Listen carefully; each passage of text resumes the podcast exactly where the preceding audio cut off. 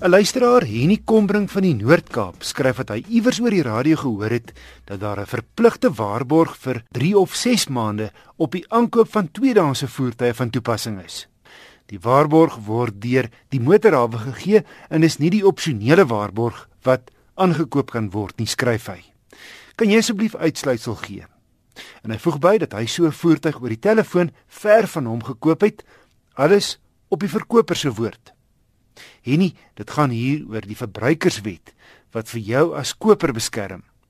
Ek het gaan aanklop by regsgeleerde, Josie Ferreira van Josie Ferreira Prokureurs in Somerset Wes. In terme van die wet op verbruikersbeskerming is elke verbruiker geregtig op goedere wat onder andere van goeie gehalte is en 'n werkende toestand is en vry van defekte is.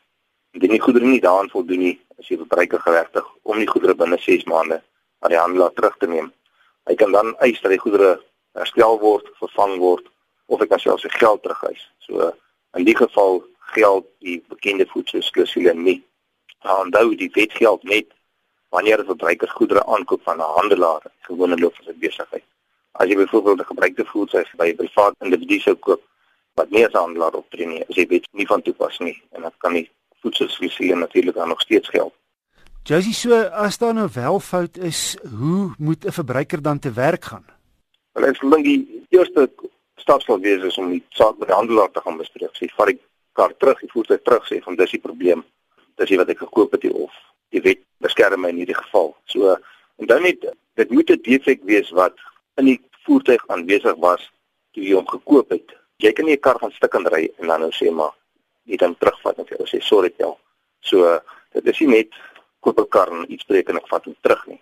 So dit moet 'n defek wees wat daar was, maar vir die eerste stap is gaan praat met die handelaar. Meeste handelaars is gewillig om hierdie goed uit te sorteer. So as jy nie met die handelaar regkom nie, is daar die motorombudsman. So dit is 'n gratis diens wat aan verbruikers verskaf word. Hulle besonderhede is op die internet beskikbaar. Hulle tree dan in en ondersoek die saak namens jou. Maar Josie, is daar nie 'n grys area nie want ons weet daar's 110 dinge wat met voertuie kan fout gaan of fout wees wanneer jy die voertuig koop. En hoe presies as mens nie wanneer jy die voertuig gekoop het bewus was van 'n defek nie, hoe gaan 'n mens weet of dit wel reeds daar was met aankope en of dit later ontstaan het?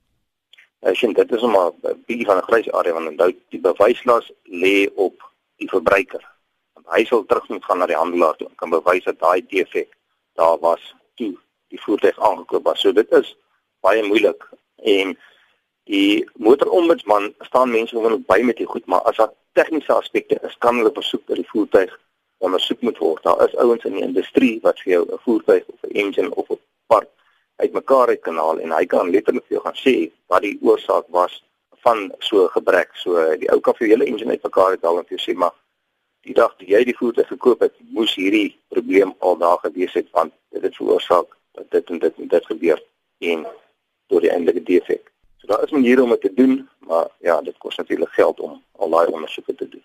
En dit kan tyd vat, nê? Ja, definitief.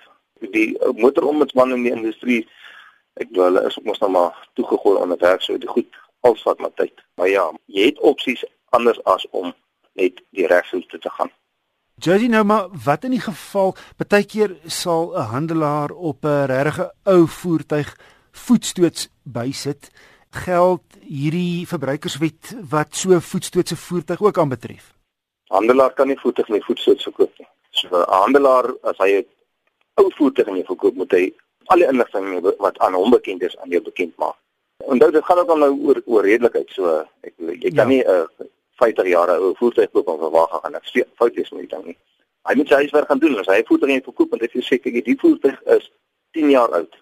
Hy was een keer in 'n ongeluk, dit is wat fout was of sy engine is al oorgedoen of die radkas is vervang.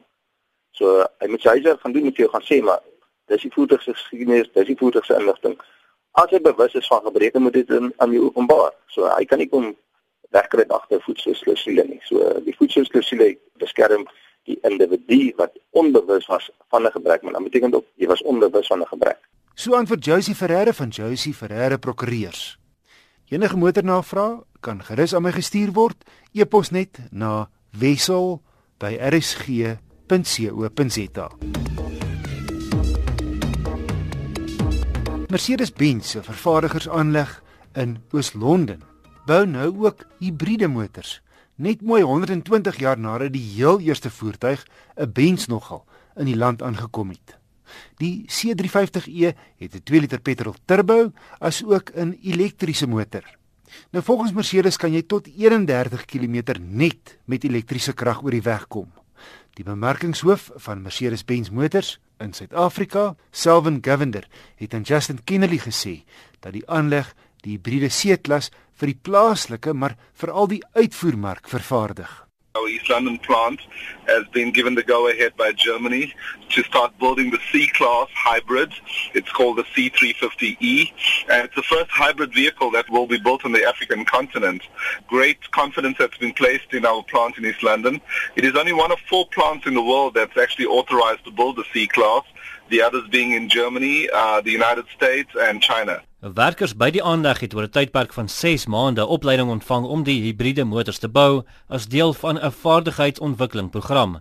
From a process point of view, we need to add a battery to the car, we need to add an electric engine to the car, and we need to have a plug point to charge the car.